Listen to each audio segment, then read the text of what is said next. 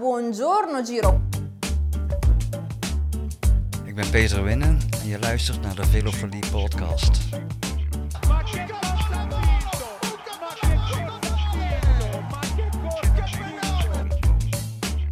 Ik ben José de Kouwer en je luistert naar de Velofilie podcast.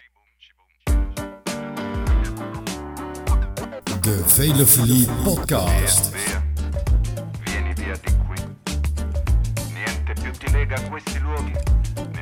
Questi fiori azzurri. De Velofilie podcast is powered by In de Leidenstrui.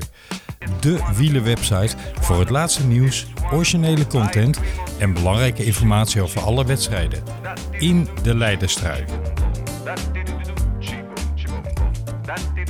Fantastisch. Uit België, groet José de Kouwer. Buonasera, buonanotte, buongiorno, tutti amici di bicicletti e di Giro d'Italia. Welkom bij een nieuwe aflevering van Velofilie podcast. En zoals jullie horen, we gaan het over de Giro hebben. Want die start 8 mei aanstaande. En ja, we moeten natuurlijk wel even in het een en ander duiken wat betreft het parcours. De favorieten, wie gaat die massasprints winnen? Waar zijn nou die dark horses gebleven? Hoe heten ze? Moet je iemand nog in je Scorito poeltje of in, in je Giro poeltje opnemen? We gaan het allemaal doornemen met jullie. En ik ga dat niet alleen doen, beste vrienden en vriendinnen. Ik ga dat doen met mijn amici di bicicletti. Buonasera, Wesley. Ciao ciao, piacere. E buonasera, Girolamo. Oftewel de vertaling van Jeroen in het Italiaans. Buongiorno. Buongiorno. Ja, nou, heel goed. Misschien luisteren mensen dit ochtends. Hoe is het, mannen? Ik ben moe. Nu al? En je moet nog drie weken Giro, joh. Nou, ik heb dat parcours net bekeken en ik ben nu al dood. ja, daar kan ik me iets bij voorstellen, ja. Als je de, de, Ah, ja. de Garibaldi leest, zoals het eh, routeboek altijd zo mooi heet eh, van de Giro.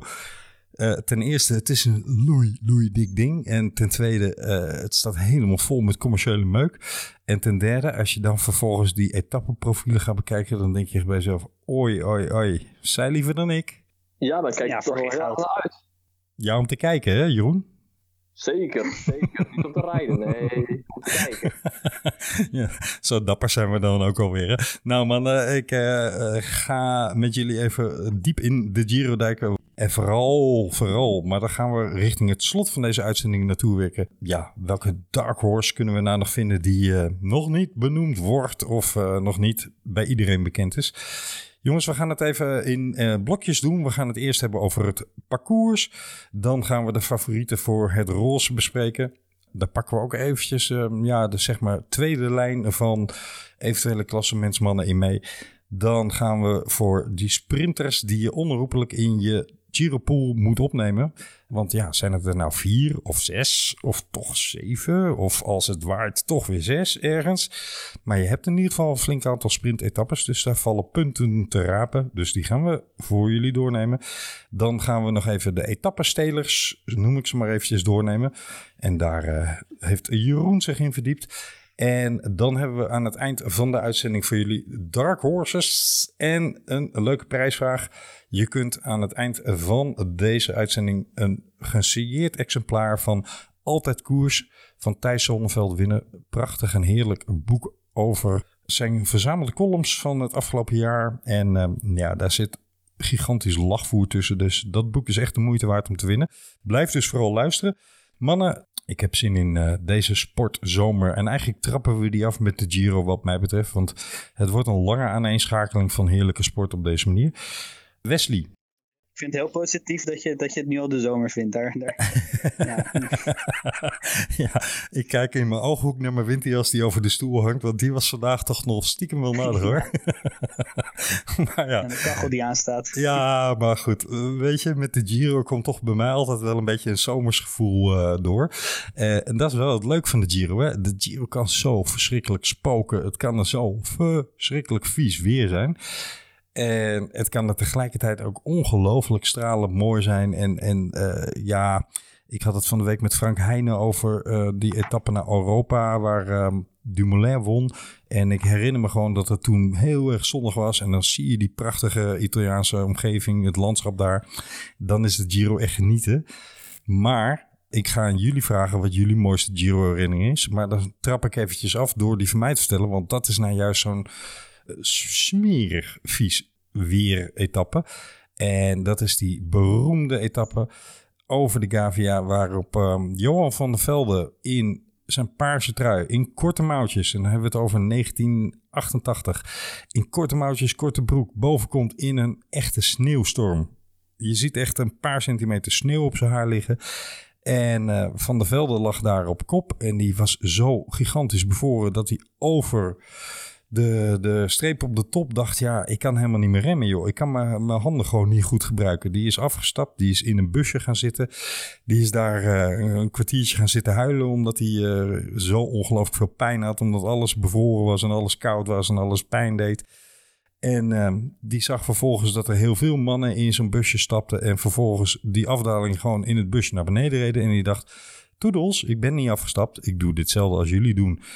En die etappe is legendarisch geworden omdat Erik Breukink hem won. En die haalde in de afdaling Andy Hemston eh, in. En Andy Hemston pakte daar het roze. Was de eerste Amerikaan die de Giro vervolgens zou gaan winnen. En eh, Erik Breukink manifesteerde zich daar voor het eerst echt als een van de grote ja, podiumkandidaten in een, eh, in een ronde als de Giro of de Tour. Herinnering die ik nooit meer zal vergeten. Wesley, wat is jouw favoriete Giro-moment? Ja, ik, ik heb er een aantal opgeschreven. Ik vind het eigenlijk moeilijk kiezen, maar ik, ik vrees dat ik toch moet. Zeker. Dus dan ga ik toch naar, dan ga ik toch naar eh, Pieter Wening, die in 2011 de, de roze trui pakt in eh, Ja. ja. eigenlijk een halve strade Bianca. Ja, in 2011, het Nederlandse wielrennen was vergeleken met nu was niet zo heel veel. Je had een Robert Gezing die net twee, drie jaar eh, de goede resultaten behaalde. Je had een eh, Thomas Dekker die weer half was weggevallen. Je had, of misschien wel helemaal. Ja. Ik weet niet meer precies waar die zat in zijn schorsing toen. Ja, die zat Maar in zijn schorsing. Ja, ja, een Wening die dan opeens zo'n eh, zo'n etappe wint. Zo'n Strade Bianca etappe in de Giro en de roze trui pakt. Nou, ik was, ik was 16 of 17 geloof ik. Nou, ik juich het voor de tv. Ja. En ja, nog iets, eer, nog iets eerder was het volgens mij in 2007. Het duel tussen Menchov en Di Luca. Dat vond ik echt een hele, hele, hele mooie om te volgen. Of 2009 was het misschien wel. Menchov, ja, klopt. Ja. Met die Ja. afsluitende tijdrit waarin hij eh, op de kasseitjes onderuit ging. Ja, en dat, dat dan bij Rabobank in de bus die eh, zijn ploegmaten zo reageerde. Dat, en dat had opgenomen. Dat was prachtig om te zien. Echt Laurens de Dam, jongen, die, die reageerde bijna alsof of zijn tanden zonder verdoving uit zijn mond werden getrokken. Wat ik me kan voorstellen hoor, want dan win je eindelijk eens zo'n grote ronde, hè, wat al heel lang een doel was van Rabobank.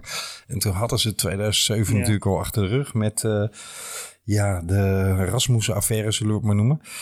En dan wint Menchov hem ook eindelijk eens, want die was natuurlijk ook al eh, vijf, zes jaar een van die mannen die het moest doen, maar het telkens maar niet deed. En eh, ja, dan ga je in de afsluitende tijdrit ineens onderuit. Ja, dat kan natuurlijk desastreus zijn. Het ging gelukkig goed, mede dankzij eh, ingrijpen van de mechanieker. Ja, die heeft nog nooit zo snel gelopen. Die is nog steeds aan het rennen, zeggen. ze. Die is nog steeds moe. Ja. Jeroen, wat is jouw eh, favoriete Giro-herinnering? Nou, ik, ik vind eigenlijk vind ik het de, de manier waarop Steven Kruiswijk eh, in 2016 rondreed, dat vond ik echt, dat vind ik e- echt een hele, hele indrukwekkende manier van, van rondrijden. En hij leek daar ook als een relatief onbekende win, eh, r- renner die weinig wint, was, werd hij daar echt gewoon gerespecteerd door de rest van het peloton. En dat was heel, heel mooi om te zien. Uiteindelijk wel ontzettend treurig natuurlijk dat hij, eh, dat hij die sneeuwmuur later nog tegenkwam.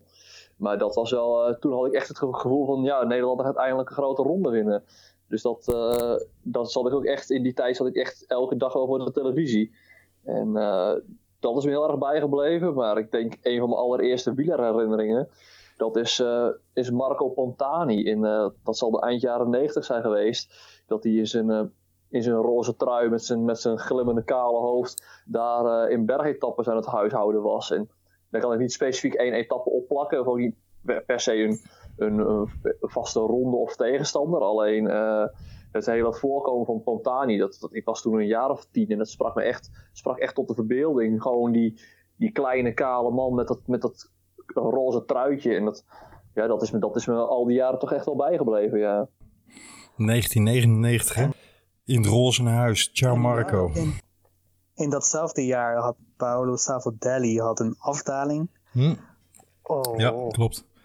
Als, je, als je een keer wil leren om af te dalen, dan moet je op YouTube staat het filmpje, geloof ik. Hij Ja. sluit aan bij een groep in een afdaling. En hij kijkt even om zich heen en hij, hij denkt van jongens, waarom rijden jullie zo langzaam? Je kan hier sneller.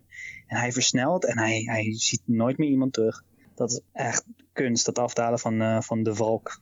Er zijn eh, drie filmpjes die, die wat dat betreft aan te raden zijn. Eentje ervan is van Cancellara, eentje ervan is van Zaga- Zagan. En eentje is inderdaad van Salvadelli. En die van Salvadelli is misschien wel het meest enge, omdat die, ja, die rijdt echt als een, eh, als een bizar eh, naar beneden. Maar hij deed het gecontroleerd. Hij heeft, hij heeft, hij- je hebt, als je hem ziet afdalen, dan heb je eigenlijk nooit dat je denkt van oeh, dit, deze bocht gaat hij niet halen of zo. Nee, precies.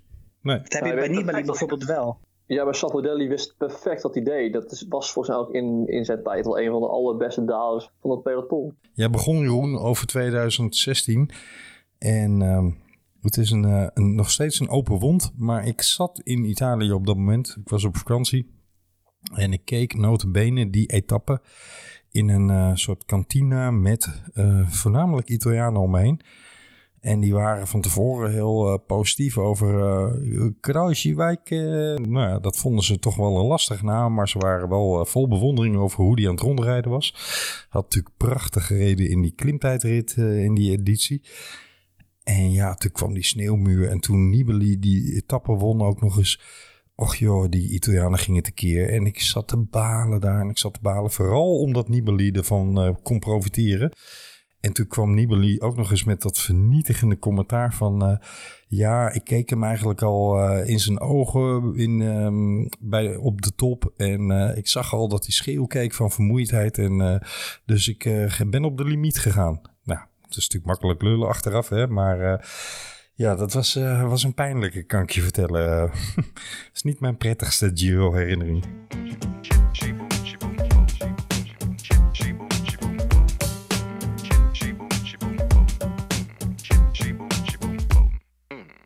Hopelijk komen er dit jaar wel een aantal hele prettige bij. En het parcours leent zich daar bij uitstek voor. Wesley, jij hebt je in het parcours verdiept. Zullen we er eens eh, een aantal highlights uitpakken? Ja, waar moet ik beginnen? Ik, ik-. Bij begin? je hebt... Ja laat, laat ik dan maar beginnen bij het begin. Hè. Je, we beginnen met een proloog. Dus dat is altijd wel leuk. Dan heb je een sprintersrit. eh, waar misschien Groenewegen wel... wel eh, maar de echte Giro begint pas bij rit 4. Mhm.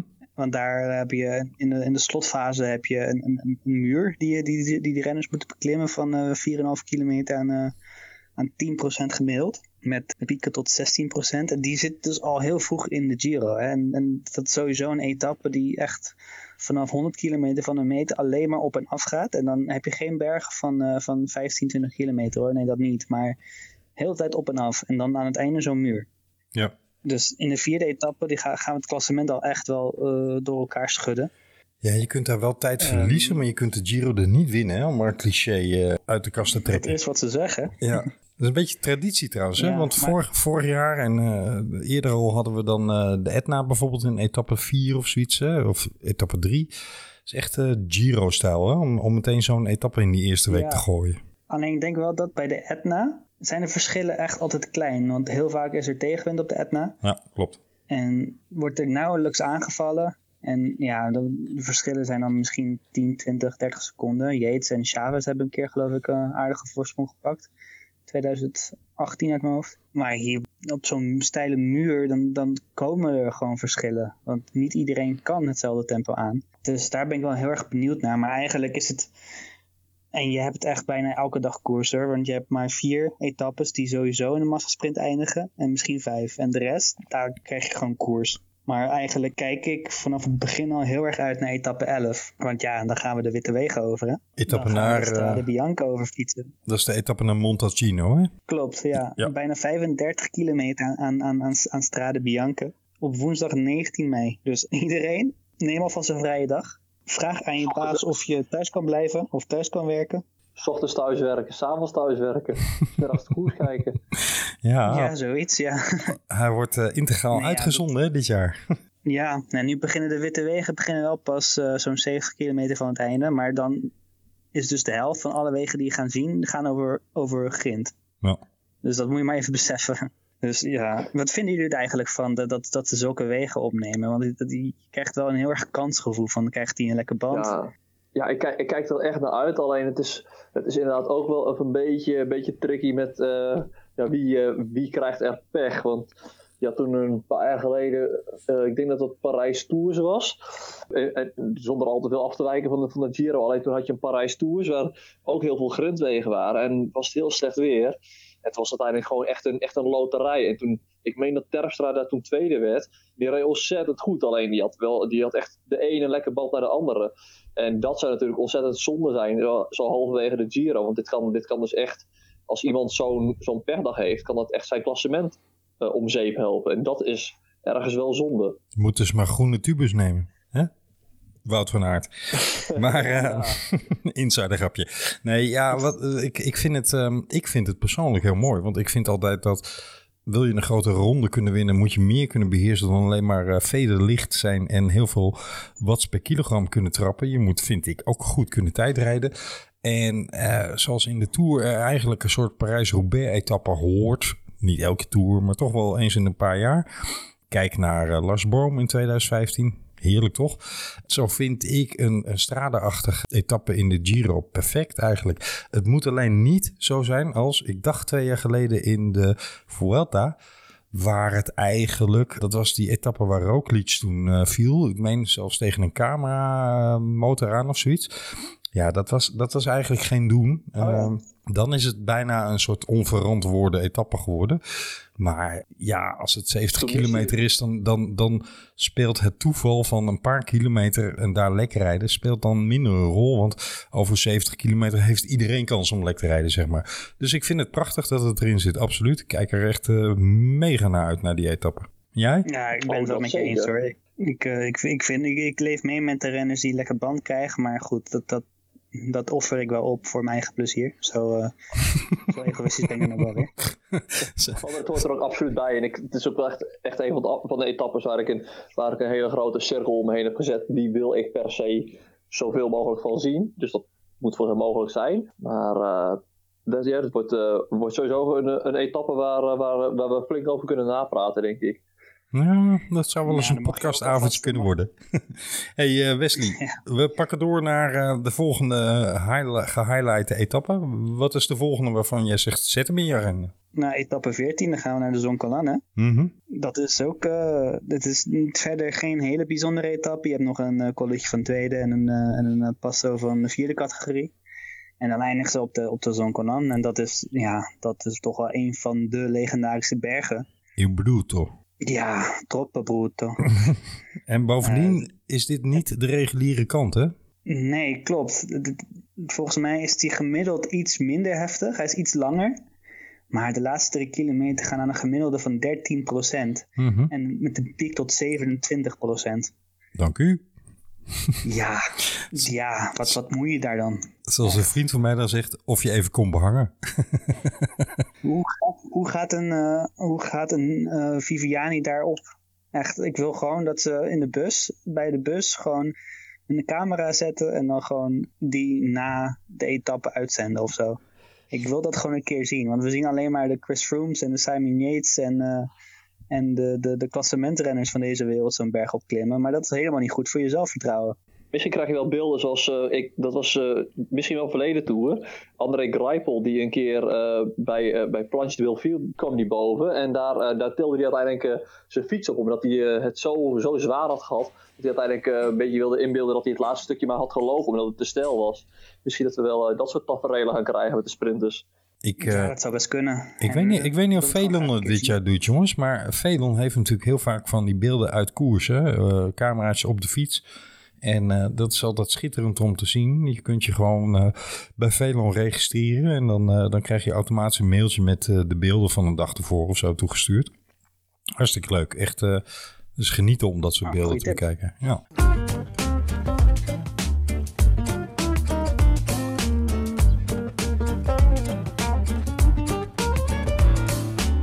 We pakken door.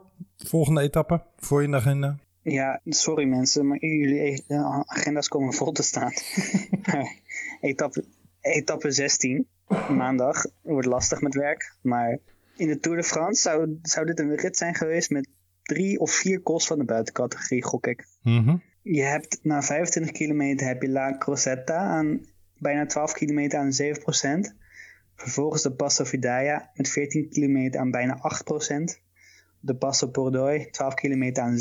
En we eindigen met de Passo Giao met 10 kilometer aan 9,5%. Ja, dat is ook zo'n monsterding. Maar die Passo Pardoi is het volgens mij, hè? Dat is eh, de Chimacopi. En eh, dat, is Ja. ook, dat is ook wel een vieze rikje hoor. Poeh. Ja, die, maar die komt dan ook pas na eh, 150 kilometer. Hè? Dus dan ben je, al, ben je dus al een aanzienlijke tijd in de weer.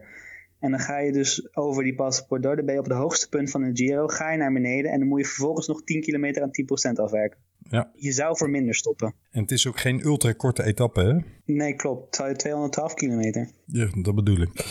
Dus, eh, en daar kan het ook nog wel eens eh, weersafhankelijk zijn of het nog een beetje te doen is of niet. Dus dat wordt weer, eh, wordt weer genieten voor ons. hey, de volgende. Dan gaan we naar de volgende etappe. Etappe 17. Dat is gewoon weer de dag erna. Wel naar de rustdag, dus niet de dag erna. Maar dan heb je, dan eindigen we op de, de Sega di Ala. Ja, dat is dus 11 kilometer aan 10%. 9,8 om precies zijn, maar dat gaat het ook nergens meer om. Eh, nergens meer over. Daarvoor, voor die berg dus, eh, van 11 kilometer aan 10% is er 15 kilometer aan 8%. Eh, de Passo San Valentino is dat. Deze etappes stapelen zich op. En je zou denken van, nou dat is de koninginnenrit. Maar ik durf geen, geen enkele etappe aan te wijzen als, als koninginnenrit. Want Simon Yates ook Ja. niet. nee, dat denk ik niet. nee. ja. En dan heb je als laatste bergrit heb je zaterdag 29 mei voor de afsluitende tijdrit in, eh in Milaan. Dan heb je nog een eh, rit van 164 kilometer met, eh, met daarin de Passo San Bernardino. En dat is bijna 24 kilometer aan 6 Ja. 6% is niet veel. Maar 24 kilometer, dat is dus van Rotterdam naar Den Haag fietsen. En dat is voor veel mensen al een uitdaging. Dat doe je als je, als je van wielrennen houdt, maar dat kan een gemiddelde postbode die eh, vindt, vindt het wel een uitdaging. Maar dan 24 kilometer, 6 ja. Dat is dus Het, het, is, het is genoeg om, je, om, om de stuk klim. Ja, en het is genoeg om de spanning op je benen constant te houden. Want het is net niet zo dat je, ehm, dat je bijvoorbeeld in de Pyreneeën heb je heel sterk dat het, dat het gloort, eh, varieert qua, qua stijging. Hè? Het is wel even iets vlakker, het is ineens heel stijl, even iets vlakker. Maar als het constant 6,5% is, dan heb je constant die druk op je benen. En als dat 24 kilometer duurt, dan ga je op een gegeven moment vanzelf om je moeder Ja. roepen hoor. Ook al is het geen eh 12 of 20 of 25 procent. Maar eh, je gaat vanzelf om je moeder roepen. En dan Ja, hebben we dus al ruim 100 kilometer gereden hè, als dat begint. En al, en al 19 etappes. Ja, en, en als je het dan toch over etappe 19 hebt, dat had je niet, maar ik pak hem mooi mee. Dat is ook een finish met eh 11,5% gemiddeld. Hè? Dus eh, ook dat is geen lichte etappe. Dus eh, het slot, het venijn zit hem weer in de staart, zoals het de Giro eigen is. Eigenlijk kunnen we het samenvatten met eh, een eh gluiperige eerste week, een vies zware tweede week en een onbehoorlijk zware derde week. Zullen we het zo samenvatten? Ja, dat vind ik een prima samenvatting. Maar je kan, het ook, je kan ook iets van, een, wat je zelf net al zei, een renner die een pure klimmer is, maar alleen een klimmer, die gaat deze Giro niet winnen. Want je hebt ook heel veel etappes waar je gewoon koerskennis moet hebben, Ja. dat je moet willen koersen. Als, je moet een initiatief durven nemen. Als je alleen maar gaat afwachten, ga je deze Giro niet winnen. En ik, ja, de parcoursbouwers hebben echt, die hebben echt kunst gemaakt met deze, met, met deze Giro. Het enige wat ik een beetje jammer vind is dat de tijdrit in- op de laatste etappe is. Want daar zijn de ronde renners toch in het voordeel ten opzichte van de echte tijdrijders. Dus de tijdrijders komen er toch een beetje bekijkt van af. En dat vind ik dat, dat, is, is een tendens die plaatsvindt in alle, alle grote rondes eigenlijk. En hier vooraf dachten we nog van, oh, er zitten nog wel wat aardige t- tijdritkilometers in. Maar dat valt toch eigenlijk wel tegen als je het zo bekijkt. Ja, we hebben natuurlijk een eh, openingstijdrit, hè, want het is eigenlijk geen proloog. Hij is langer dan 8 kilometer, de openingsrit. mag het officieel geen proloog heten, boeien. Maar eh, de afsluiting is 30,3 kilometer. Maar kijk even terug naar 2017. Een tijdritspecialist, Jos van Nimde. Hè, terwijl eh, Tom Dumoulin, eh, die alles op het spel had staan en, en dus de tijdrit van zijn leven moest fietsen. Ja, die kwam er niet aan wat betreft de tijd van eh, Jos van Emden. Dus, maar ehm, Oh ja, ja inderdaad, dat klopt. Ja.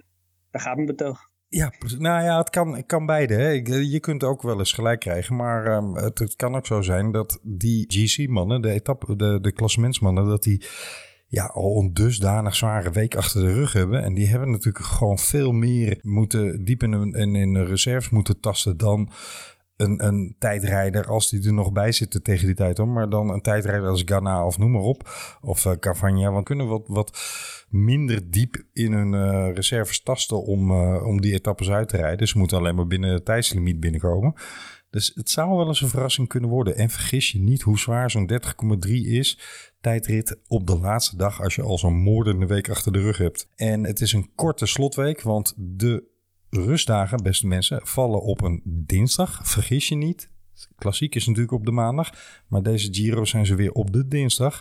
Dat betekent dat de slotweek geen week is, maar pas op woensdag begint en op zondag eindigt. Dus het is een opeenstapeling van uh, ja, veel heftig achter elkaar. En dan krijg je ook nog die slottijdrit. Kan wel eens een verrassende uitslag worden.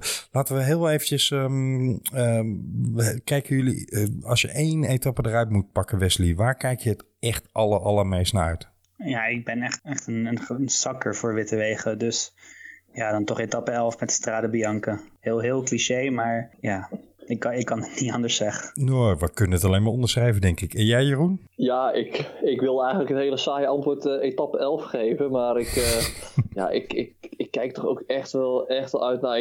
Ja, de, de hele derde week vind ik, vind ik eigenlijk de moeite waard om gewoon even een weekje, een weekje vrij voor te nemen. Ik, het is zo moeilijk. Ja, ja Wesley begon al, begon al vooraf dat hij, dat hij zei van... Het is gewoon eigenlijk geen doen. Het, het, is ook geen doen. Nee, ik, ik denk dat ik de hele derde week uh, de gordijnen dichtgooien en uh, binnen ga zitten. Alleen maar integraal Giro kijken, denk ik. Ik kan er niet, kan er niet eentje uitplukken. Klinkt wel als een uh, goed voornemen. Dus twee keer etappe 11 en kan ik me van alles bij voorstellen. Want dat kan echt een kantelpunt zijn. En het wordt in ieder geval zeer waarschijnlijk een hele mooie rit. Uh, Igen Benal? Het gaat regenen. Ja, ook dat. Ja. Um, ik heb ook een etappe die uh, mensen misschien minder snel uh, uh, zullen opschrijven. Waarvan ik toch zeg, ga even opletten mensen wat het weerbericht is van tevoren. Dat is etappe 7 van Notaresco naar Termoli. Want daar gaat een heel groot deel van langs de kust. En dat is klassiek waaiermateriaal. Moet de wind wel goed staan? Maar als de wind daar goed staat dan gaat het hele spul daar lekker op de kant. En dan uh, kunnen ook daar wel eens uh, minuten gegooid worden. Terwijl dat toch een uh, nou, redelijk vlakke etappe is. Gaan wel even het binnenland in. ze pakken wat, wat klimmeters mee. Maar groot deel is langs de kust. Dus het kan zeer verrassend worden, die etappe.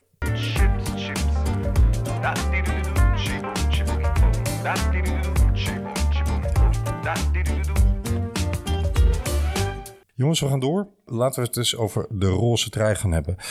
Er zijn weinig jaren waarin ik van tevoren zeg, nou, ik weet het niet. Ik heb meestal toch wel heel duidelijk dat ik denk, ah, diegene is toch wel echt de uitgesproken favoriet. En uh, dat kan dan ook nog wel eens heel anders uitpakken.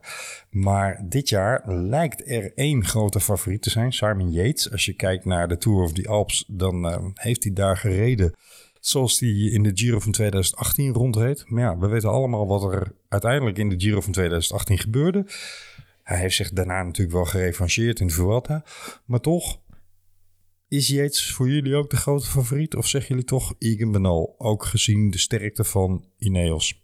Ik, ik vind het heel moeilijk om te zeggen. Ik um, denk dat Yates qua beklimmingen gaat hij denk ik wel de beste zijn.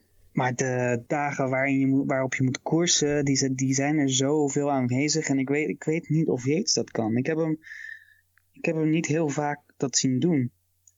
Dus ja, een renner die heel goed uit de voeten kan in eendagswedstrijden lijkt mij ook in het voordeel in deze Giro. En ja, dan denk ik toch eerder Bernal. Die heeft vaak goed gereden in eendagswedstrijden in Italië. Maar ja, hoe gaat het met zijn rug? Ja, dat is de grote vraag, hè? Kan hij, ja, kan, kan hij 100% geven? Dat, dus ik ben het wel met je eens. Ik, ik durf het ook niet te zeggen. En het kan ook maar eens weer echt een verrassing worden. Want vorig jaar hebben we de Giro natuurlijk wel echt een, een, een wisseling van de wacht gehad. De oude, oudere klassieke eh, klassementrenners die gaven niet thuis. Maar de die zaten thuis. dan- ja, ja, Nibali was aanwezig. eh, die, die, die kwam niet in de True. buurt. Nee, klopt. En verder laat mijn geheugen me even in steek. Dus eh, Ja, Thomas die natuurlijk Maar, over zijn eh, bidonnetje viel hè, eh, als uitgesproken favoriet. ja, Ja, Kruiswijk naar huis. Kruiswijk naar huis. Ja. Ja, De Haai doet trouwens weer mee hè, dit jaar. Hij eh, is officieel nu aangemeld. En er was een mooie advertentie van... eh, posten. ja, een mooie advertentie van Trek Segafredo. Die haaien uit Jaws. En eh, dan zag je erboven die eh, oneindige beker van de Giro. eh, die Dumoulin zo mooi in zijn handen hield. En daar stond boven in de letters van Jaws Giro. En daar stond de capture van Trek Segafredo bij. Van We need a bigger boat. The shark is back. Zoiets. dus eh, ik vond hem mooi gevonden. Ja, Nibali heeft zelf gezegd, en terecht, ik ben, ehm, je moet mij niet bij favorieten neerzetten. Je moet mij ook niet vragen of ik een etappe ga winnen, want dat is allemaal niet te voorspellen. Ik heb niet de voorbereiding gehad die ik had willen doen. Dus het is maar de vraag hoe hij eh, ervoor staat. Maar zoals eh, Frank Heijnen ook terecht zei, mm, hij kan dan misschien zelf niet winnen, maar hij kan je wel de Giro doen verliezen. Op zijn kruis, zeg maar. Ja dat is, dat is, dat is zo'n renner wel. En Nibali die weet echt wel wanneer hij moet aanvallen. En eh, wanneer hij initiatief moet nemen. En wanneer hij een afdaling als een gek in moet gaan. En als je dan volgt, dan kan het twee kanten op. Of je valt met je, met je gezicht ergens over een reling. Of, eh, of je pakt een eh, aanzienlijke voorsprong. Mooi bruggetje naar Dus, misschien- Remco Evenepoel. Ja, Toch? Want dat, dat wel, ja. dat is misschien wel het grootste vraagteken wat er is. Hè? Het grappige is, en ook dat is dan weer, ehm, is het een beursie of niet? Hè? Die vraag kun je stellen. Maar ehm, de koning was, was al zeker anderhalf à twee weken aan het communiceren. Nee, Evenepoel gaat in dienst van Almeida. Gaat niet voor een klassement. Daar is hij niet aan toe. Enzovoorts, enzovoorts. En vervolgens kwam Remy Cavagna en die zei... Nou, Evenepoel is een van de beschermde renners. En eigenlijk een van de kopmannen.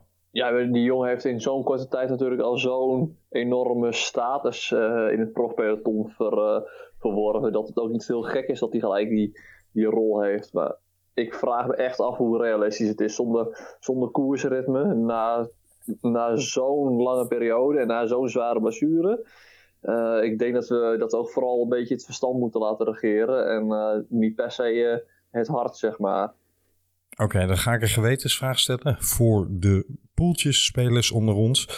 Wesley, heb jij even een pool in je pool? ik heb nog geen pool. Oké, neem je hem op? Nou, ik heb dus nog geen pool, omdat ik, omdat ik, ik wil echt zo laat mogelijk beslissen. Dat doe ik heel bewust. Maar Dat is geen Eh, antwoord. het antwoord is, ga je hem nemen? ik denk het, ik, ik denk het niet. Nee, oké. De vraag was natuurlijk, ga je hem nemen? Maar als ik, als ik, hem, straks, als ik hem straks wel eh, opneem, dan mag je niet boos zijn, oké? Want ik zeg dat ik het nog niet weet, hè? Jeroen, als jij, eh, want eh, jij speelt geen poeltjes, ik weet je antwoord al. Maar als jij een poeltje zou hebben, eh, zou je dan even een pool opnemen in je team? Ik zou toch eerder voor Almeida gaan. Ja. Ik toch iets zekerder factor. Ja. Dus nee. Nee, helder. Nou, doe daarmee, beste luisteraars, wat jullie... Ehm, ik moet je bekennen, in mijn eerste selectie had ik hem erbij en toen heb ik hem eruit gegooid. Maar het kan zijn, zoals je weet, Wesley, wil ik nog wel eens last minute mijn team eh, om zeep helpen. het kan zijn dat ik zaterdagmorgen 1 voor 12 of hoe laat start de Giro al dan toch eh Benal eruit gooi en eh, even de pool erin gooi en dan ineens een miljoen over heb en dan weer moet gaan schuiven met allerlei andere mannen, want ik speel in Scorito mee. Ver- vertel mij even wat jij gedaan hebt, eh, zo laat mogelijk. Dan weet ik dat precies doe. Ja, maar ik doe het meestal echt letterlijk 10 minuten van tevoren. Dus als ik het je dan nog moet vertellen, dan eh, ben je waarschijnlijk ook te laat. maar je weet wat ik dit jaar gedaan heb, hè? 10 minuten voor eh, de voorjaars eh, klassieker eh poolsloot. Dacht ik in een briljante move Tom Pitcock eruit te gooien. Hmm. Jasper, Jasper Stuyven, toch? Of, of had je die wel? Nee, Stuyven had ik al. eh, ik ben een Jasper Stuyven fan, dus die had ik er van begin af aan bij zitten. Nee, ik dacht ik gooi Pitcock eruit. Ja, dat was geen, eh, geen goede zet. hey, laten we even naar wat andere namen gaan, eh, gaan kijken. De man die altijd hoopt dat hij kopman is, maar ik denk dat hij stiekem gewoon keihard voorbij gereden gaat worden door Pelo Bilbao, Miguel Landa. Wat verwachten jullie van hem? Ja, precies wat jij, precies wat je, wat, wat jij, wat jij al, al zegt. Ik verwacht inderdaad dat eh Bilbao is volgens mij momenteel veel, eh, veel meer in, eh, in vorm. En eh, die is ook iets, iets consequenter volgens mij. En eh, ik, zal niet, ik, ik weet niet hoe goed hij kan tijdrijden, maar het zal nooit slechter zijn dan Landa. Dus ik denk dat eh, ja, het zou zomaar kunnen dat Landa weer opnieuw achter de feiten aan gaat fietsen. Ja. En dan vervolgens voor... Bilbao eh, kan best wel een stukje tijd rijden. Jawel, jawel, jawel. Hij gaat, hij gaat de slottijdrit niet winnen, maar ehm, hij kan zijn eh, verlies wel uitermate beperken. Dat, ehm, ja. Maar ik Ja, denk maar dat... zal die hoe dan ook beter zijn in tijdrijden dan Landa. Ja, Bij dat, Landa is het bekend dat hij niet kan tijdrijden.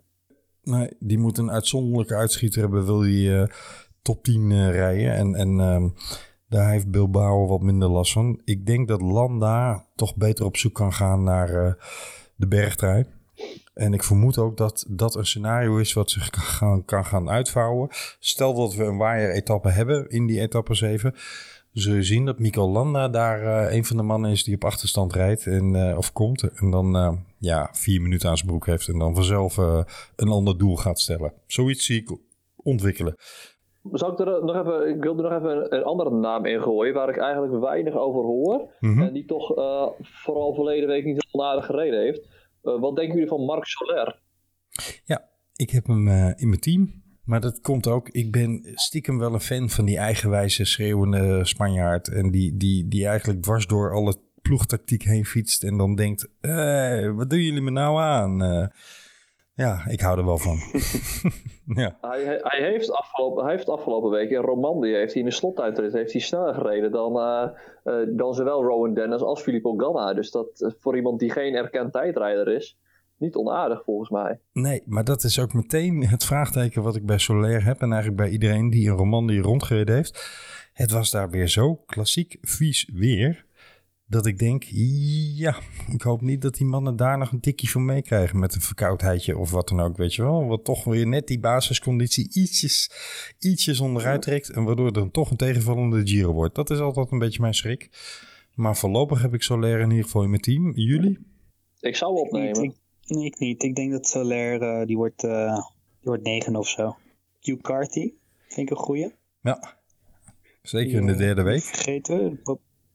Ja, podium in de Vuelta vorig jaar. Mhm. En Davide Formulo.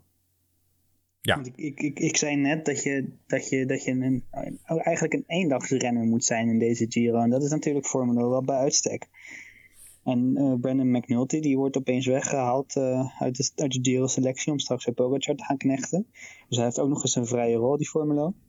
Dus eh, ik denk echt dat, dat, dat hij, als hij uiteindelijk dat, dat hoge bergte een beetje kan, aan kan, want daar, daar verliest hij, in het echte hoge bergte verliest hij toch altijd wel weer wat. Maar in die etappes waar, waarin de koers gemaakt wordt en, en zo'n typische etappe waarvan je, je denkt van daar kan je de Giro niet winnen, maar wel verliezen. Daar gaat Formulo hem dus gewoon eigenlijk nooit verliezen. Daar ben ik van overtuigd. Ja. En dan kom je vanzelf heel ver. Als jij er een eh, heel gevaarlijk stempeltje op moet plakken wat betreft eindklassering, wat zou je dan ehm, inschatten? Nu omdat ik het natuurlijk zelf breng, dus ik kan nu niet uh, naast inzetten, maar... Twaalfde. ik, zo, zo, ja, vierde, vijfde. Oké, okay. oh, dat is uh, flink hoog. Dat zou uh, inderdaad wel de dark horse van het klassement zijn dan dit jaar. En zo hebben we er eigenlijk elke Giro wel een, hè? Die uh, ergens tussen de zeg maar uh, 5, 6 en uh, 12 rijdt, waarvan niemand had gedacht, goh, uh, Jan Heert ooit, weet je wel, die negende wordt, dat soort namen. Um, een, man, een man die eigenlijk elk jaar wel thuis hoort in dat rijtje van, uh, nou laten we zeggen, tussen de 5 en de 15. Dr. Ponzo, Domenico Pozzovivo. Hij heeft natuurlijk helemaal aan dichtelen gelegen. Maar ik ben een ongelofelijke liefhebber van het, de coureur Pozzovivo. Wat denken jullie? Hij heeft nog niet heel veel gepresteerd dit jaar. Hè? Nee. 60ste in Luik, Bastenaken, Luik. Tour of the Alps, uh, volgens mij iets van 15 of zo, 16e. Ja, viel me niet tegen, moet ja. ik eerlijk bekennen. Maar... Nou, als dat dan niet tegenvalt, dan... Ja, wat, wat, wat, wat, waar, waar, waar zou jij hem plaatsen dan? Wat, verwacht jij? Wat hoop je? Nou, kijk, ja, wat ik hoop. Ik hoop dat hij eh, weer eens eh, vijfde of zesde kan worden. Dat zou op zijn leeftijd en na zijn ongeluk geweldig zijn. Ik verwacht het niet. Maar ik zou ook niet heel verbaasd zijn als hij gewoon een keurige top 15 rijdt hoor. Hij was in de Giro vorig jaar niet, niet slecht, hè? Hij reed in het begin heel goed. Klopt, ja. En toen dacht ik, Uiteindelijk elfde geworden, net buiten de top 10. ja, ik dacht wel, gelukkig, hij kan het nog. Eh, dat ongeluk heeft hem niet eh, zijn carrière gekost.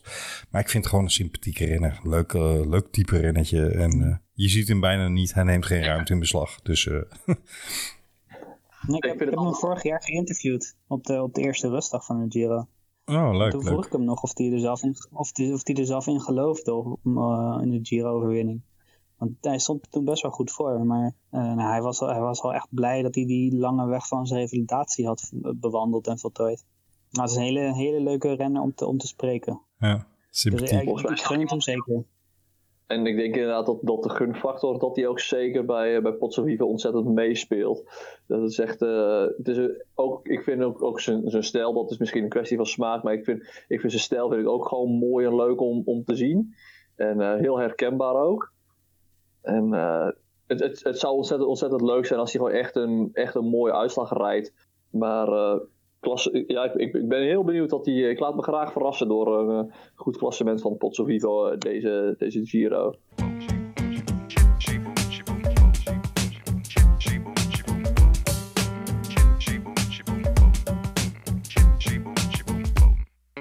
Hey, we gaan eh, even een beetje vaart achter zetten wat betreft de uh, rosse trui mannen. Bardet of Hindley? Als jullie moeten kiezen, één van de twee valt af. Bardet. Bardet. Bardet. Oké, Hindley strepen we weg. Bardet, rijdt hij een top 5? Ik zou zeggen Ja. achtste. En Wesley, jij zegt ja. Nee, Bardet. Ja, Bardet die zet ik heel stiekem op het podium. Ja? Ja, ik denk echt dat eh, hij heeft zich echt op de Giro gericht. En ik ben het met, met jullie eens, niet dat jullie het zeggen, maar jullie denken het wel dat het een seizoen zover is nog niet geweldig. Klopt. Maar, maar ja, ik, ik heb, ik, je weet wel, als je, als je zo'n gevoel hebt dat je denkt van nou, dat had ik bij Bardet heel erg. Die, die, heeft, die is van ploeg veranderd omdat hij echt iets nieuws wilde.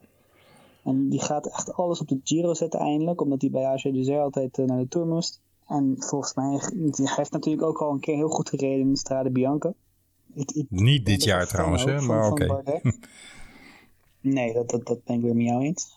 Mm, Nou ja, wel even een beetje, eh, een be- beetje, beetje voorbedurend op wat je eerder al, al zei, is eh, dat dit wel een beetje een, eh, een Giro is voor, eh, voor eendagse renners.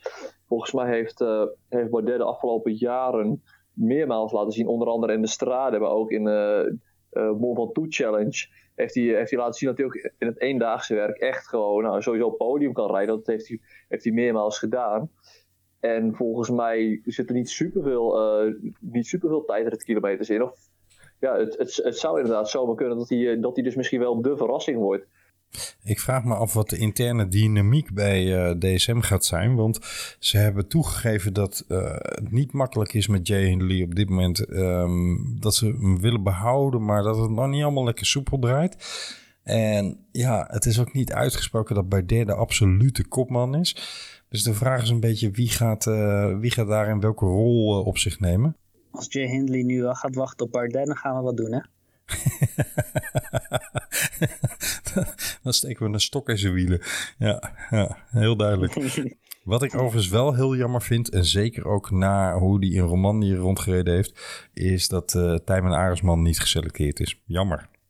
Dat, je zou bijna zeggen dat het maar één reden kan hebben, dat, dat hij naar de Tour zou gaan. Dat zou wel weer een mooi voordeel zijn, absoluut. We pakken nog even een naam mee die we helemaal niet benoemd hebben. Uh, twee eigenlijk. We beginnen allebei met een B. Boegman en Bennett. En dan bedoel ik Bennett van Jumbo-Visma. Boegman, ja of nee? Voor wat? Voor het klassement. Poeh. Hij is een, uh, om er maar een uh, stevige uitspraak in te gooien, wel een kandidaat voor de top 10. Maar ja, hij was in, in, de, in de Tour waar Kruiswijk derde werd, werd bijna op hetzelfde niveau als Kruiswijk toen. En dat was best een hoog niveau, maar daarna is het niet meer vooruit gegaan. Dus... Nee, het zijn wel twee gekke jaren daarna geweest natuurlijk, hè, met de koersomstandigheden. Ja. Maar als hij een beetje op dat niveau terug kan zijn. En ik zie niet in waarom Bora mm, dat niet zou kunnen qua training. Dan eh, verwacht ik zeker dat hij eh, voor de top 5 mee gaat spelen. Hij heeft het nog niet laten zien dit jaar. Dat ben ik wel met je eens.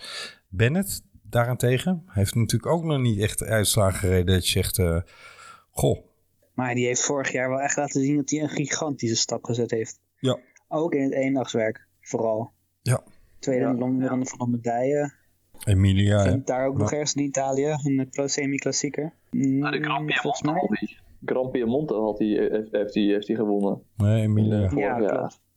Maar Bennett heeft natuurlijk een nadeel dat hij in die gekke trui rondrijdt. Waardoor eh, de helft van het peloton denkt dat hij van Rebecca Assels is.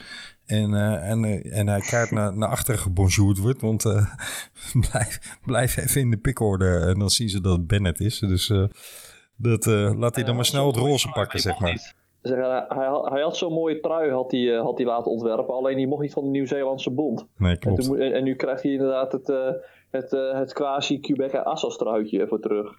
Als we puur kijken naar de, naar, naar de prestaties, dan, eh, ja, dan moet het voor zijn toch ook wel, mogelijk zijn voor, eh, voor Bennett om, eh, om het op zijn minst even, even een keer te proberen. Gewoon als, als kopman in een, in een grote ronde.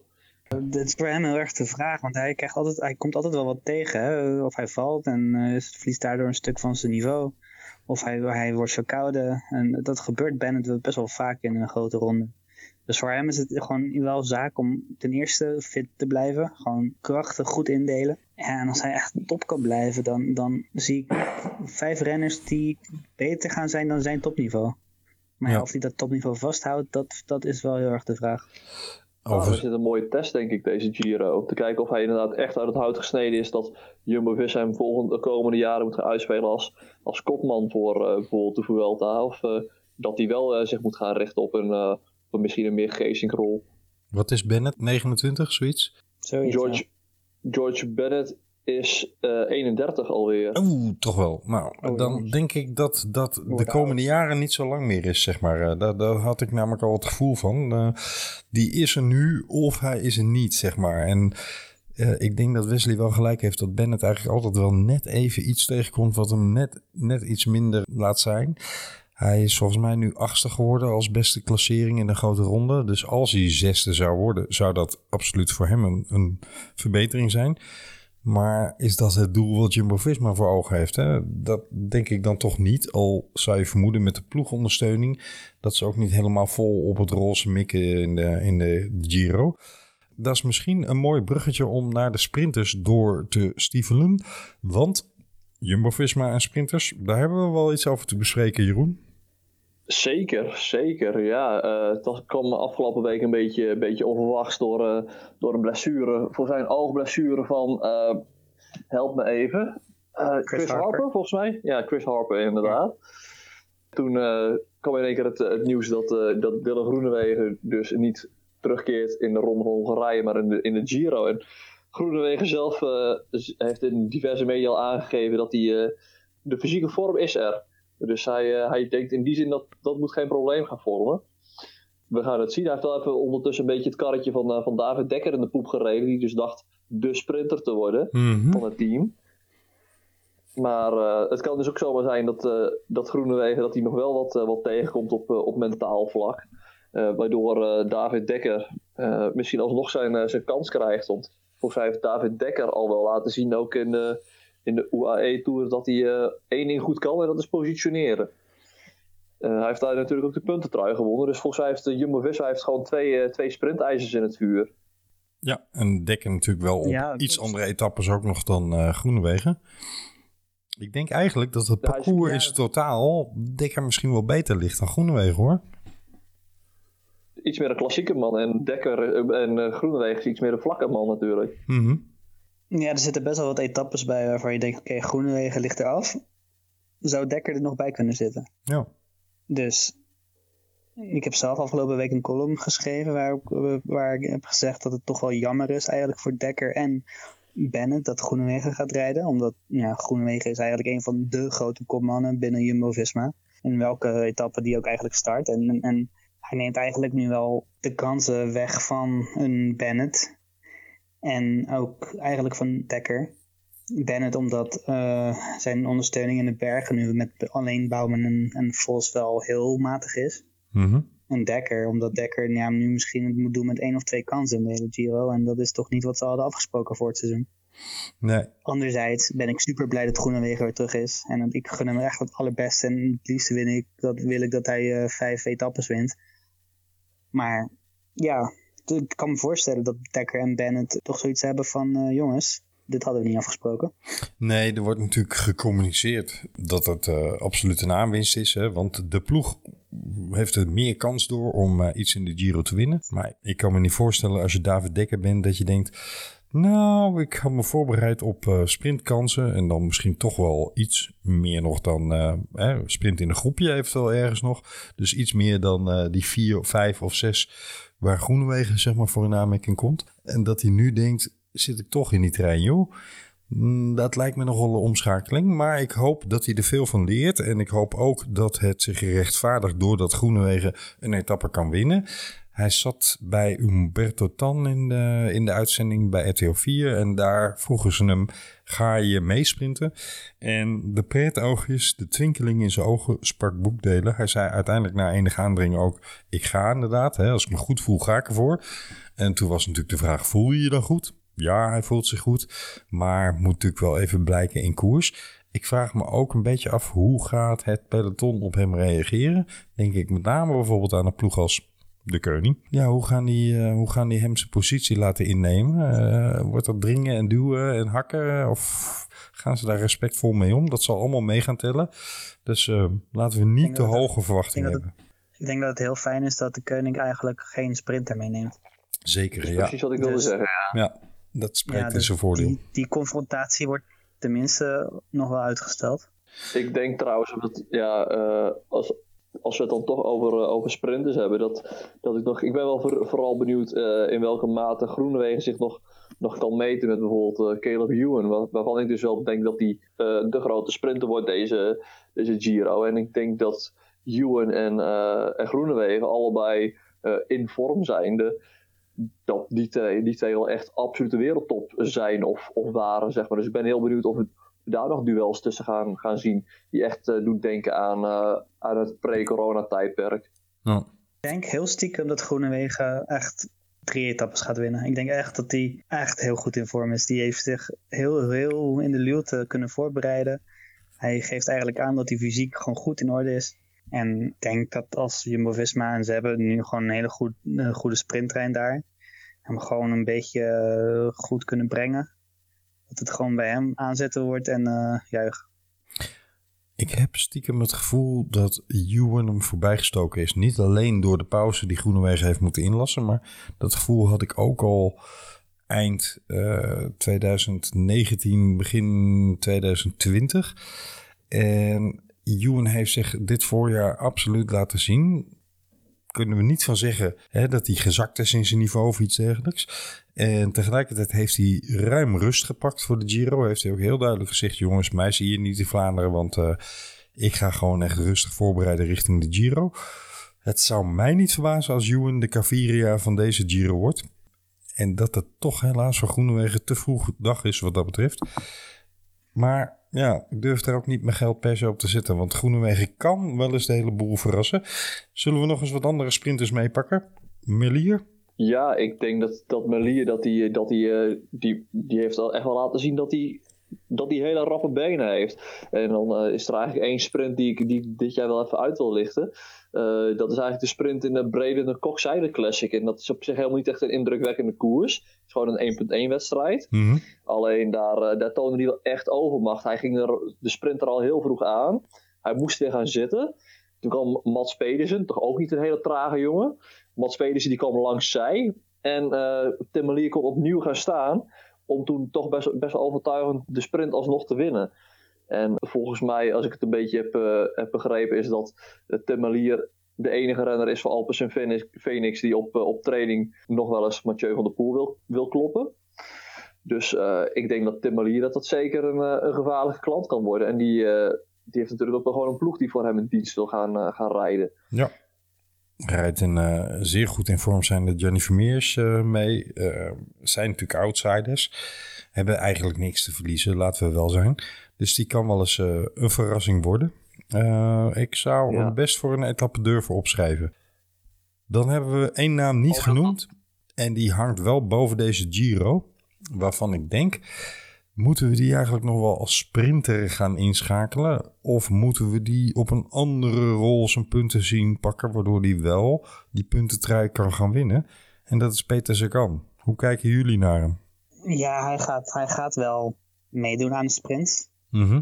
En in, de Rom in Romandie was, in, was hij niet slecht. Je zag wel inderdaad dat hij wel wat van zijn snelheid verloren heeft. Want heel overtuigend vond ik hem nou ook weer niet winnen. Nee, en laten we wel zijn tegen wie sprinten die daar? Hè?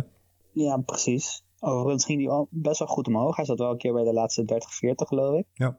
En dat is in deze Giro echt heel belangrijk. Want als jij goed als sprinter goed omhoog kan, dan heb je zomaar vier kansen meer dan, dan Groenewegen of een Ewan. Precies.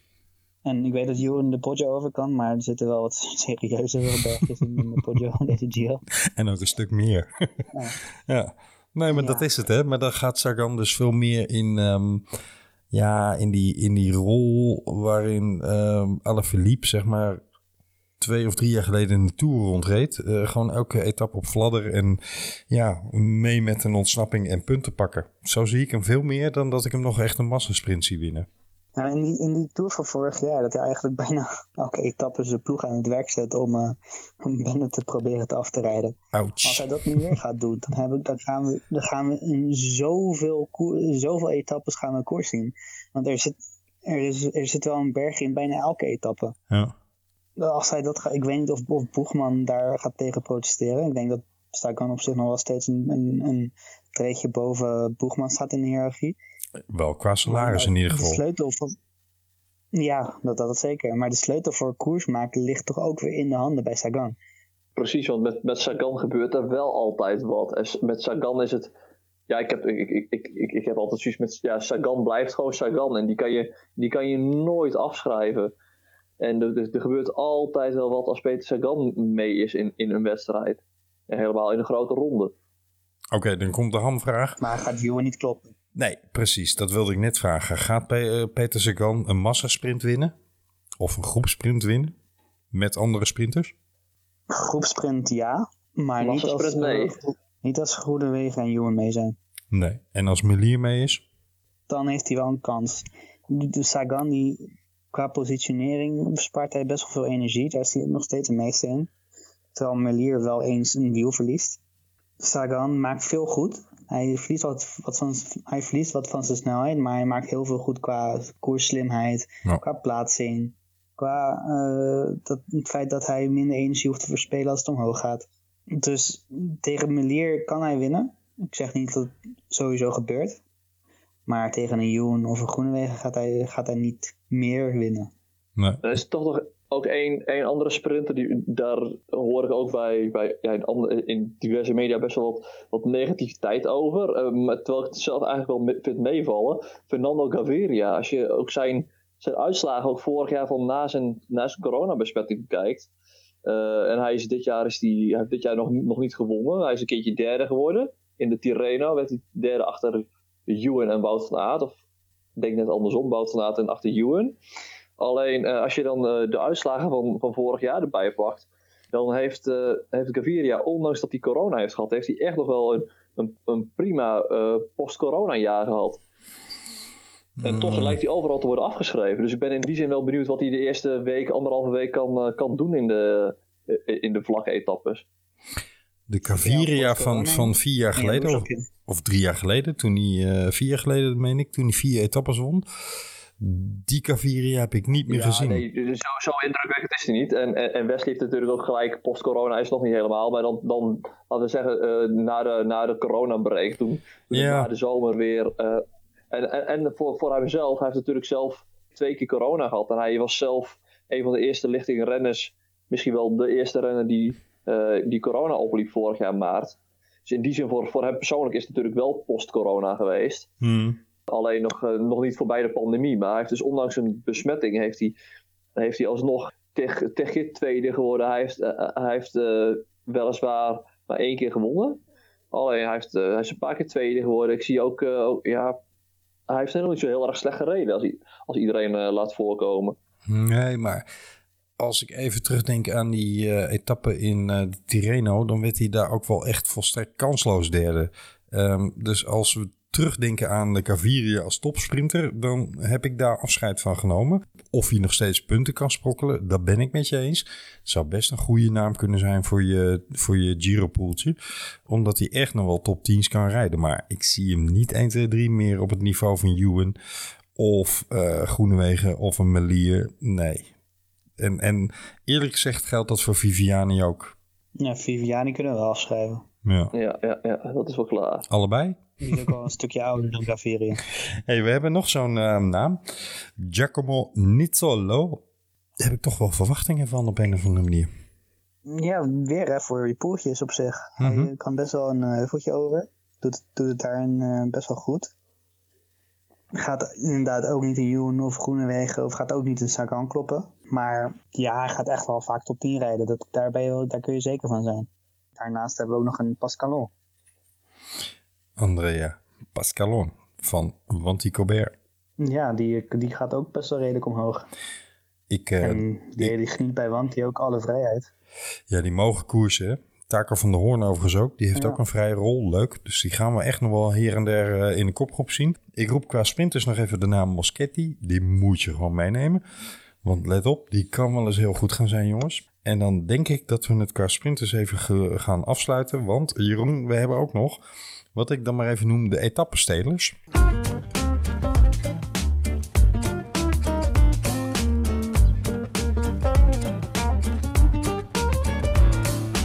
De mannen die eh, graag vooruit willen gaan rijden in eh, van die zware, vieze heuvel-etappeltjes.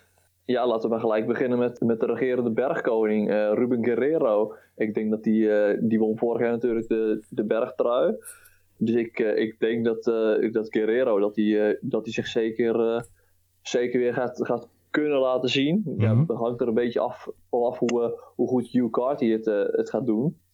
Maar ik verwacht inderdaad wel dat we Guerrero nog van, nog van voren gaan zien. En, en verder ben ik ook, ook benieuwd naar de mannen van Trek Segafredo met Chicone en, en Mollema. Mollema heeft gezegd dat hij dat hij voor dagsucces gaat. Ja. En ja, Mollema die heeft, die heeft al een uh, Vuelta-etappe in 2013 gewonnen. Eh 2017 pakt hij er eentje in de Tour. Zou natuurlijk wel mooi zijn als hij, eh, als hij er ook nog eentje in de Giro gaat pakken. Het is lastig inschatten, want Mollema heeft laten doorschijnen van... joh, ik ben er wel klaar mee met die eh, klassementen. Ehm, maar toen had eh Nibali zijn eh, pols nog niet gebroken. Nu is Nibali wel terug, maar ja, ik weet niet of dat eh, de absolute kopman is. En Mollema is wel zo'n Nee, maar- ongelooflijk betrouwbare eh, renner die altijd inzetbaar is. Dat als Trek zeker vrede zou zeggen, eh Bouke, we hebben je toch weer nodig dat hij zich moeiteloos weer inschakelt om uh, ja, de benen onder zijn lijf uh, vandaan te sleuren. En dan gewoon uh, zesde of zevende te worden. Dus het is lastig inschatten, Ja, vind ik. Ik denk dat we ook niet moeten vergeten dat hij natuurlijk voor een Italiaans team rijdt. En uh, ik heb afgelopen maand al wel regelmatig wat, wat voorbij horen komen over dat Chicone. Dat, dat hij steeds vaker Nibali de baas is in, uh, in Ja. trainingen. Mhm. En uh, misschien, misschien dat ze nu ook wel vanuit het team zelf zeggen van Chicone, laat jij het maar eens even, even zien. Laat jij maar eens zien of jij klassement kan rijden. Een paar jaar jonger ook dan, dan Mollema. En dat ze misschien wel zeggen van, goh, Mollema heeft zo'n zo'n staat van dienst. Die krijgt nu de vrije rol om, uh, om, zijn, uh, om zijn verder in te kleuren. Dat zou me ook niet verbazen. En dat Chicone misschien iets meer aan de ketting ligt in plaats van Mollema. Ja, nou, ze hebben alle drie, of hadden alle drie een beschermde status. Dus um, daarin heb je zeker gelijk dat Chicone daarbij hoort. Het zou ook wel eens een verrassing kunnen worden qua klassement, uh, heb ik in mijn hoofd hoor. Zeker niet te onderschatten. Als we het dan toch over etappenstelers hebben, is er, is er één naam die je nooit kan uitvlakken. En één naam die. Ja, die. die, die ik denk als ik alleen al de, de, de naam noem, dan, dan gaan jullie allebei al gelijk reageren. Diego Elisi. Denk. Uh, nee. Oh. ik Thomas de Gent. Thomas de Gent nooit uit. Nee, absoluut. Ja. Ik heb de naam gezegd en ja, reageren jullie er alsjeblieft met z'n tweeën op. Ik denk niet dat hij gaat winnen. Nee? Hij heeft echt wel. Nee, hij, hij heeft wel wat van zijn glans verloren hoor. Hij, hij, hij kan, ja, misschien wint hij wel en dan is het omdat hij de slimste was. Maar van die solo's die hij heeft gehad, dat hij echt alleen Thibaut Pinot en Alaphilippe voorblijft, gewoon puur omdat hij zo'n grote motor in zijn, zijn lichaam heeft zitten, dat gaat niet meer gebeuren, denk ik. Dat is 2019 waar je het nu over hebt, hè Wesley? Ja, klopt. En, en op grond waarvan baseer jij dat hij dat kwijt is? Omdat ik hem vorig jaar heb ik hem best wel vaak pogingen heb ik, zien, heb ik hem zien ondernemen. En, dan, dan lukt het toch niet. En dan heeft hij toch een paar keer, hij in de positie, maar gewoon simpelweg niet goed genoeg. En misschien had het wel te maken met, met het rare seizoen van vorig jaar hoor. En word ik nu ontzettend hard gelooggestraft. Ik hoop het voor hem, dat is een sympathieke, sympathieke jongen. Dus ja, alsjeblieft, bewijs het tegendeel, maar ik verwacht het niet. Ik uh, zal nooit vergeten die etappe die hij voor Vakansolei, ik dacht in 2012 of 13 won. Uh, was de Stelvio. De Stelvio. En sindsdien uh, vind ik het een sympathieke renner die, die altijd van die fratsen uithaalt. Die, ja, en zeker die etappe waar jij net aan refereerde, Wesley in de Tour. 200 kilometer voorop en uiteindelijk nog dat aanstormende duo voorblijven. En echt, het is zo vakmanschap wat hij doet met die ontsnappingen van hem. Het is niet maar gewoon blind er vandoor peren en uh, zo hard trappen en kijken waar je, waar je sterft. Nee, hij, hij calculeert echt in hoeveel wattage hij moet trappen als hij hoort in zijn oortje, die en die ploeg zit nu op kop. Want dan weet hij ongeveer, oh, dat zijn die en die mannen en die trappen die en die waardes. Die man is echt, echt zo'n vakman daarin als hij het zou kunnen, dan moet hij het deze Giro laten zien, Wesley. Daar ben ik met je eens. Want vorig jaar was geen best seizoen. Maar ik heb er nog wel vertrouwen in dat hij het kan. Hij heeft in, uh, in maart heeft hij, uh, heeft hij nog, heeft hij nog een, een etappe gewonnen in, in Catalonië. Ja. Catalonië. Ja, klopt. Dus volgens, volgens, volgens mij, en, en daar, daar won hij. Ik, ik, ja, ik zit nu gewoon puur even op pro cycling stats te kijken, omdat ik niet eventjes zo, zo paraat heb hoe het hoe het toen verlopen is. Alleen daar, uh, daar rijdt hij Mohoric op 22 seconden. En uh, daar komt uiteindelijk de grotere groep, die komt pas, uh, die komt pas op, op 1,46 binnen. Dus volgens mij, dat, volgens mij het, het kunstje heeft hij, heeft hij nog steeds wel in, in de benen. Ja, en ik, ik, Thomas de Gent is er ook zo eentje die kan op zoek gaan naar de bergtrui, als hij er zin in heeft. Ligt er een beetje aan hoe hij het parcours bestudeert en waar hij zin in heeft en hoe zijn vorm is. Ik zou zeggen, onderschat hem niet. Ik roep, riep net al heel enthousiast Diego Ulisi. Gaan we daarvan zien, mannen? Die is net hersteld van zijn hartprobleem, hè? Ja. Die, uh, die is nog niet echt terug op zijn, uh, op zijn topniveau. Nee. Dat niet zag je volgens mij ook in uh, Romandie reed hij. Zijn, zijn tijdrit, terwijl hij best wel vaak een goede tijdrit heeft gereden, was hij echt, ja, echt in de onderste regionen, geloof ik. Dus die is echt nog niet, uh, hij benadert zijn topvorm nog niet. En ik vrees dat het nog wel een tijdje duurt. Ja, strepen we af voor de pool. Ja. Ik heb ook nog opgeschreven Fausto Masnada. Meenemen, ja of nee? Die was wel heel goed in uh, Romandie. Zeker. Ja, ja. Maar ik vrees een beetje dat hij dat een beetje gaat, gaat ondersneeuwen in, uh, in een beetje de, ja, bij de andere, andere twee, twee kopmannen daar. Ja, bij, bij Evenepoel en, en Almeida. Dus ik, Ah, die maakt ja, gewoon ja, weer ruzie met Almeida, joh. Dat komt wel goed. het, het, zal, het, zal, het zal er vanaf hangen hoe goed Evenepoel is. Als Evenepoel niet heel goed is, dan kan misschien Masnada wel de tweede beschermde renner worden. Ik denk niet dat ze met drie uh, beschermde renners voor het klassement gaan rondrijden. Dus uh, ja, dat, ik denk dat het rijden van, van uh, heel erg in de handen van Evenepoel ligt. Beste luisteraars, ik ga nu uh, onder zware drang en alleen maar uh, vanwege zeer aandringen van mijn twee mede-collega's een naam noemen die ik zelf niet in deze podcast naar voren zou brengen. Moscon. zeg het maar.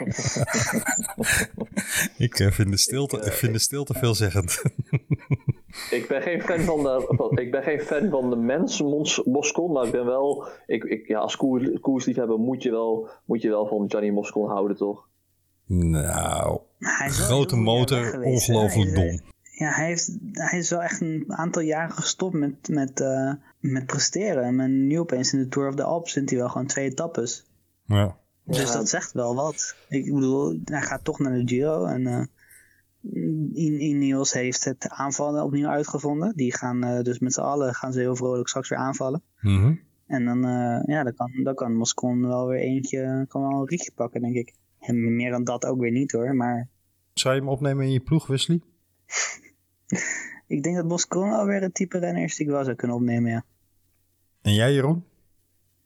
Ja, ik zou, ik zou het niet doen. Al- Alleen al dat je, dat je kijkt dat, eh, wat, wat hij aan ploeggenoten bij zich heeft. Dan denk ik dat te- toch te vaak moet knechten. Ook omdat ik, ik denk dat eh, de rug van Bernal nog een vraagteken is. Eh, en Sivakov die heeft ook al geroepen van... nou, Bernal is echt niet de enige, de uitgesproken kopman. Dus ik, ik denk dat, dat Sivakov dat hij ook nog zichzelf goed van voren zal willen proberen te houden. Waardoor Moscon toch iets vaker zal moeten, moeten knechten, denk ik. Dus en dan in die zin verwacht ik niet dat hij heel veel punten gaat pakken. Hooguit misschien een keer een etappe als beloning. Het mooie van deze... Dus opnemen in je, opnemen in je poeltje. Ik zou, het- ik zou niet opnemen in je, niet opnemen in je poeltje. Omdat ik dat toch denk dat hij nog regelmatig eh, zich moet laten uitzakken. Ja.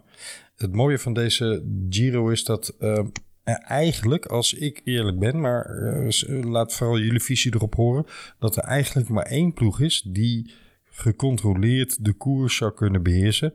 En dat is nou juist Team Ineos, waarvan eh, Dave Brailsford heeft gezegd vorig jaar, ja, we gaan het wiel opnieuw uitvinden, want eh, die tactiek die we jarenlang gehanteerd hebben, nou, daar zijn we in voorbij gestreefd. We zijn niet meer de beste ploeg, dus we moeten het wiel opnieuw uitvinden. Weet je wat wij gaan doen? We gaan overal vrolijk aanvallen. En dat zie je ook wel iets meer terug in de koers. Maar juist deze Giro is er eigenlijk maar één ploeg die de ploeg ervoor heeft om juist wel gecontroleerd te kunnen rijden. Eens, Zeker. maar ze hebben, ze hebben die statement gemaakt, toch? Of Mhm. Dat statement gemaakt. Ja, Dus de, ja, ze dan moeten wel, ze bedoel zichzelf je. wel heel erg verlogen als ze dan op zich... eh, ja, als ze nu weer terug in het, eh, in het, in het korps gaan en eh, weer met een, als een TGV die berg overstomen. Dat zou echt deze hele Giro kunnen verpesten. Dus dat, dat, ja, Ze hebben wel, wel echt de mannen voor. Ze hebben, bedoel, eh, ze hebben dan ja, Bernal als, eh, als kopman. eh Sivakov eigenlijk als een beetje schaduwkopman. Hebben ze, verder hebben ze nog Sosa mee. Die, die zouden ze in het treintje kunnen zetten. Eh Daniel Felipe Martinez hebben we het nog niet eens over gehad. Nee, Die klopt. ontzettend goed is. Ik ben fan. Die, die kunnen ze ook in het, in het treintje plakken. Moscon en Ganna die kunnen, ze, die kunnen ze gewoon wattages laten pompen. En dan hebben ze ook nog Castro Viejo en, eh en Puccio voor, eh, voor het vlakken eh, of voor het de beginfase. Ja, dit is echt gewoon weer een beetje de ouderwetse Skytrain die ze, die ze opstellen. Daarom, dus die uitspraak van, eh van Brailsford en ook wel de manier waarop er tot nu toe gekoerst wordt. Maar ik denk dat ze het deze Giro gewoon simpelweg niet kunnen doen. Ze hebben heel die ploeg opgebouwd volgens het klassieke model. En het zou bijna stom zijn vanuit hun optiek als ze het niet zouden doen zoals ze het altijd gedaan hebben. Want ja, de kans dat Benel eh, dat roze ergens gaat pakken is natuurlijk best aanwezig als die rug van hem eh, het houdt. Dus ik denk dat Moscon inderdaad in de trein moet gaan werken. Nou, het enige verschil is wel dat in de jaren dat die Skytrain zo, zo, zo goed op, op de rail stond, hadden ze wel een, een klassementsrenner die het in een tijdrit kon afmaken. Met een Wiggins, met een Thomas, met een Froome. Bernal is dat minder. Bernal kan niet wachten op de laatste tijdrit. Dus er zal wel aangevallen moeten worden. En of ze dat nou met een, met een, met een klassiek concept van de, van de trein doen, of, of op een andere manier, creatiever, meer koersen, dat weet ik niet, maar het zal niet een kopie worden van de jaren dat een Froome of een Wiggins won. Nee, dat, Maar- dat, dat ben ik met je eens. Maar als Ben al bijvoorbeeld, ik zeg maar wat, in de Sonkolan-etappe of zo eh, een, een voorsprong kan pakken, dan zul je daarna waarschijnlijk wel weer zien dat ze het gaan verdedigen op die manier. Maar het wordt een interessante Giro om te kijken. Eh, IF heeft ook een sterke ploeg op zich. Ik vind de ploeg van Yates, nou, valt me nog niet mee hoor, qua sterkte van de bezetting. Ehm, en voor de rest zie ik eigenlijk geen ploeg die de koers echt kan dragen. We hebben wel bij ehm, de, de eh, namen die we nog niet genoemd hebben, twee waarvan ik zeker zeg, die wil ik even aan jullie voorleggen. Cepeda, of Cepeda, hoe zeg je hem? Ik, eh, ik, ik moet bekennen dat ik hem niet, niet heel erg goed, eh, goed kende tot, tot voor kort. Alleen hij heeft, hij heeft natuurlijk wel gewoon, gewoon recent in de Tour of the Alps heeft hij het jongerenklassement gewo- ge- gewonnen. En werd hij, werd hij gewoon vierde in het algemeen klassement. Dus Ja. dan, ben je, dan ben je geen koekenbakker volgens mij hoor. Nee, nou is drie weken Giro natuurlijk toch nog wel wat anders dan de Tour of the Alps. Maar zeker een naam om in de gaten te houden, vind ik. Goeie renner hoor. Goeie, zit, wel, zit wel potentie in. En, ehm, maar ik geloof dat een van jullie hem wilde roepen, Tobias Vos. Ja, dat zou ik, die, die- zou ik in de categorie Dark Horse, zou ik Tobias Vos eigenlijk, eh, eigenlijk naar voren willen, willen schuiven. Misschien dat het ook een, eh, een bruggetje is dan bij, eh, bij deze. Maar eh, ja, Tobias Vos, dat, eh, volgens, eh, volgens Jumbo-Visma moet dit, eh, eh, moet dit de renner worden die in de toekomst grote rondes voor zich gaat winnen. Ja, En hij is, hij is de regerend kampioen in de ronde van de toekomst. zeker. En ehm, het is een beetje de Pelo Bilbao van, van Jumbo deze, deze ronde. Maar hij staat denk ik nog niet op dat niveau. Hmm, ik, ik denk wel, hij was in die terreinen was hij wel best wel goed. Hij was daar de laatste rennen de hele tijd bij Van Aert. Ja. Moest daardoor erg veel, erg veel werk opknappen. Maar hij heeft, hij heeft mij nog nergens laten zien dat hij hier bij de beste team kan rijden of zo. In dat kader ben ik ook heel erg benieuwd wat, wat, wat Koen Bouwman, eh, hoe goed Koen Bouwman gaat zijn. Want die, die gaf aan toen ze vorig jaar uit de Giro stapte dat hij eigenlijk zich nog nooit zo goed had gevoeld en nog nooit zo goed omhoog ging als in die Giro. Dus ik ben heel erg benieuwd of hij, of hij dat niveau, datzelfde niveau weer kan benaderen en eh, laat zien of hij nog wel een extra stapje gezet heeft. Nou, hij gaat niet bij de beste tien rijden, maar gewoon een hele goede, stabiele knecht voor in de bergen zou, zou wel misschien gewoon mooi zijn voor Koen. Het zou ook voor Bennett fijn zijn als hij eh, tot aan de voet van de laatste call in ieder geval één iemand bij zich heeft. Eh, on, het liefst Ja. natuurlijk twee. Dus ja, dat, eh, dat zou eh, een mooie ontwikkeling zijn als Bouwman er eh, tot daar in ieder geval bij kan zijn. Chips, chips.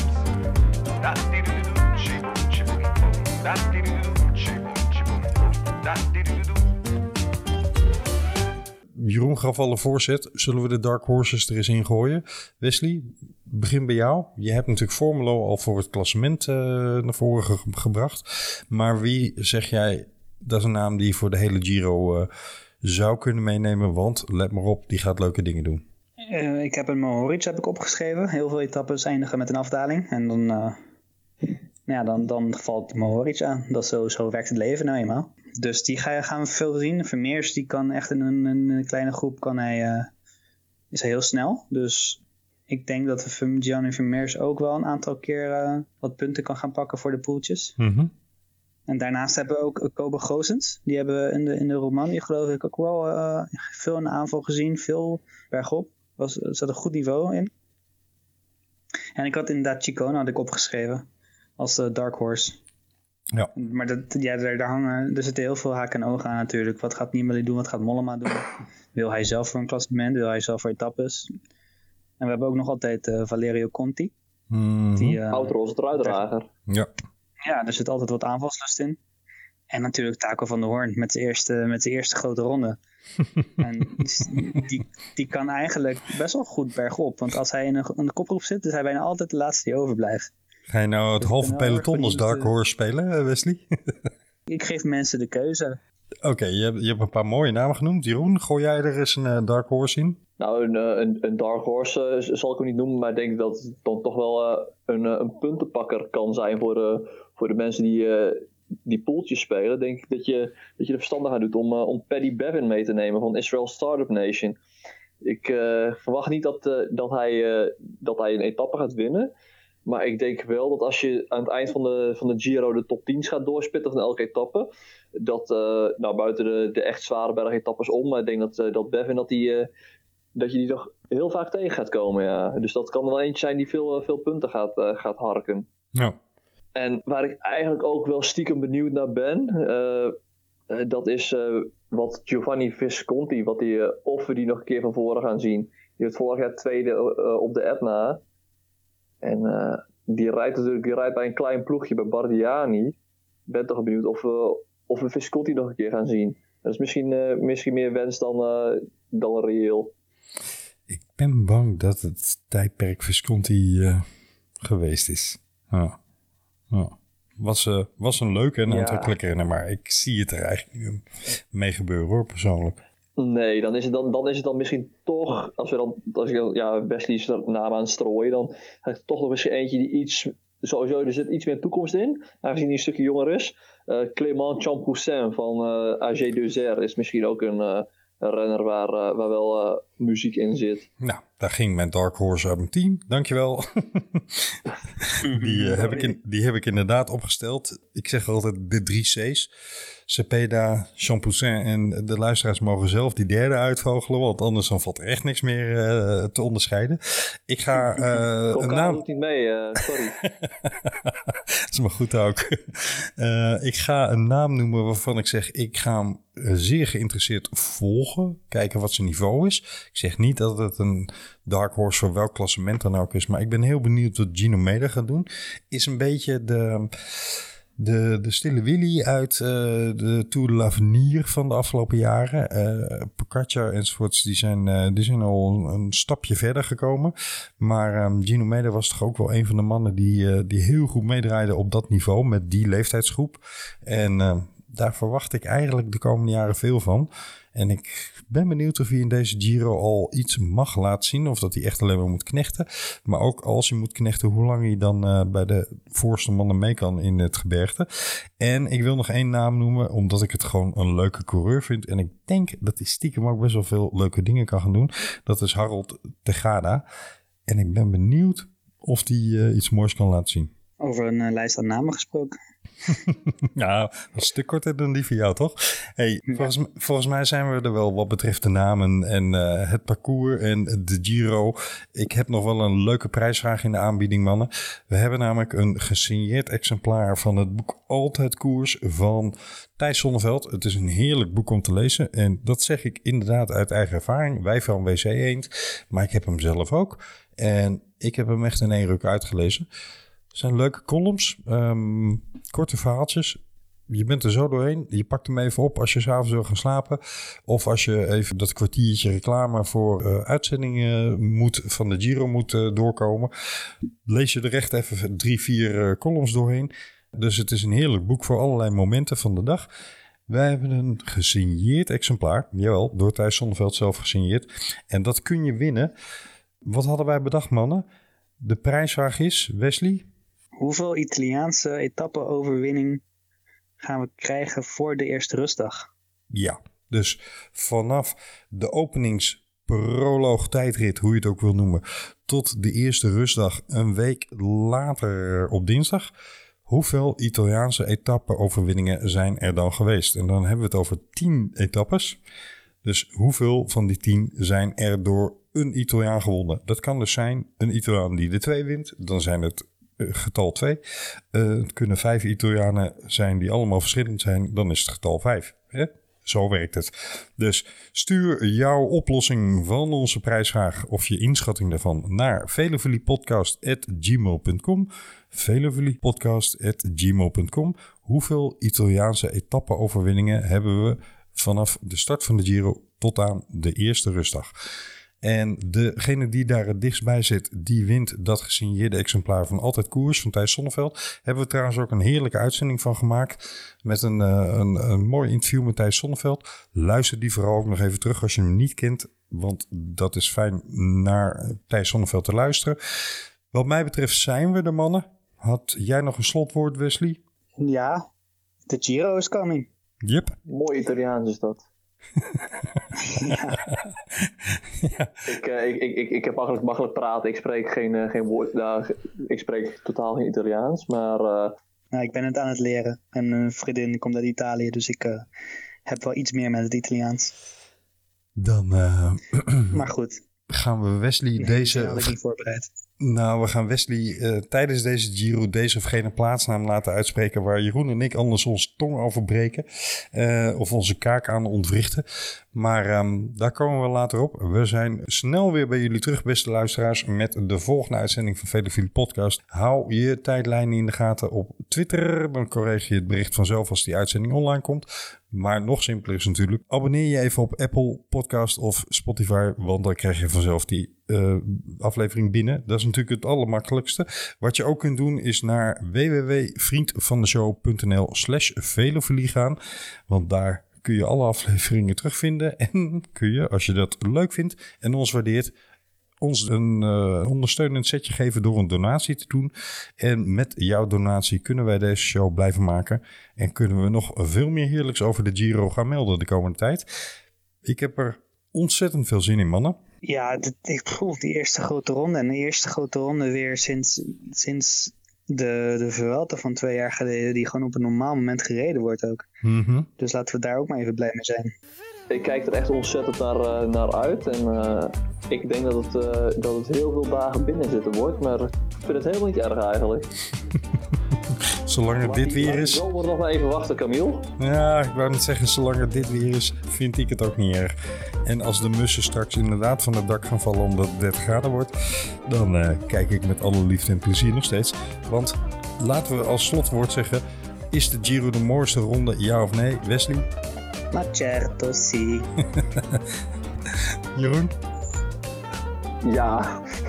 Ja, dat is hetzelfde antwoord, Ja. maar in een andere taal. Eh giusto, ik eh, sluit mij daarbij aan. Grazie mille, signori. En ehm, tot de volgende uitzending, beste luisteraars. Andiamo. Ciao, ciao. Ciao. Ciao, ciao.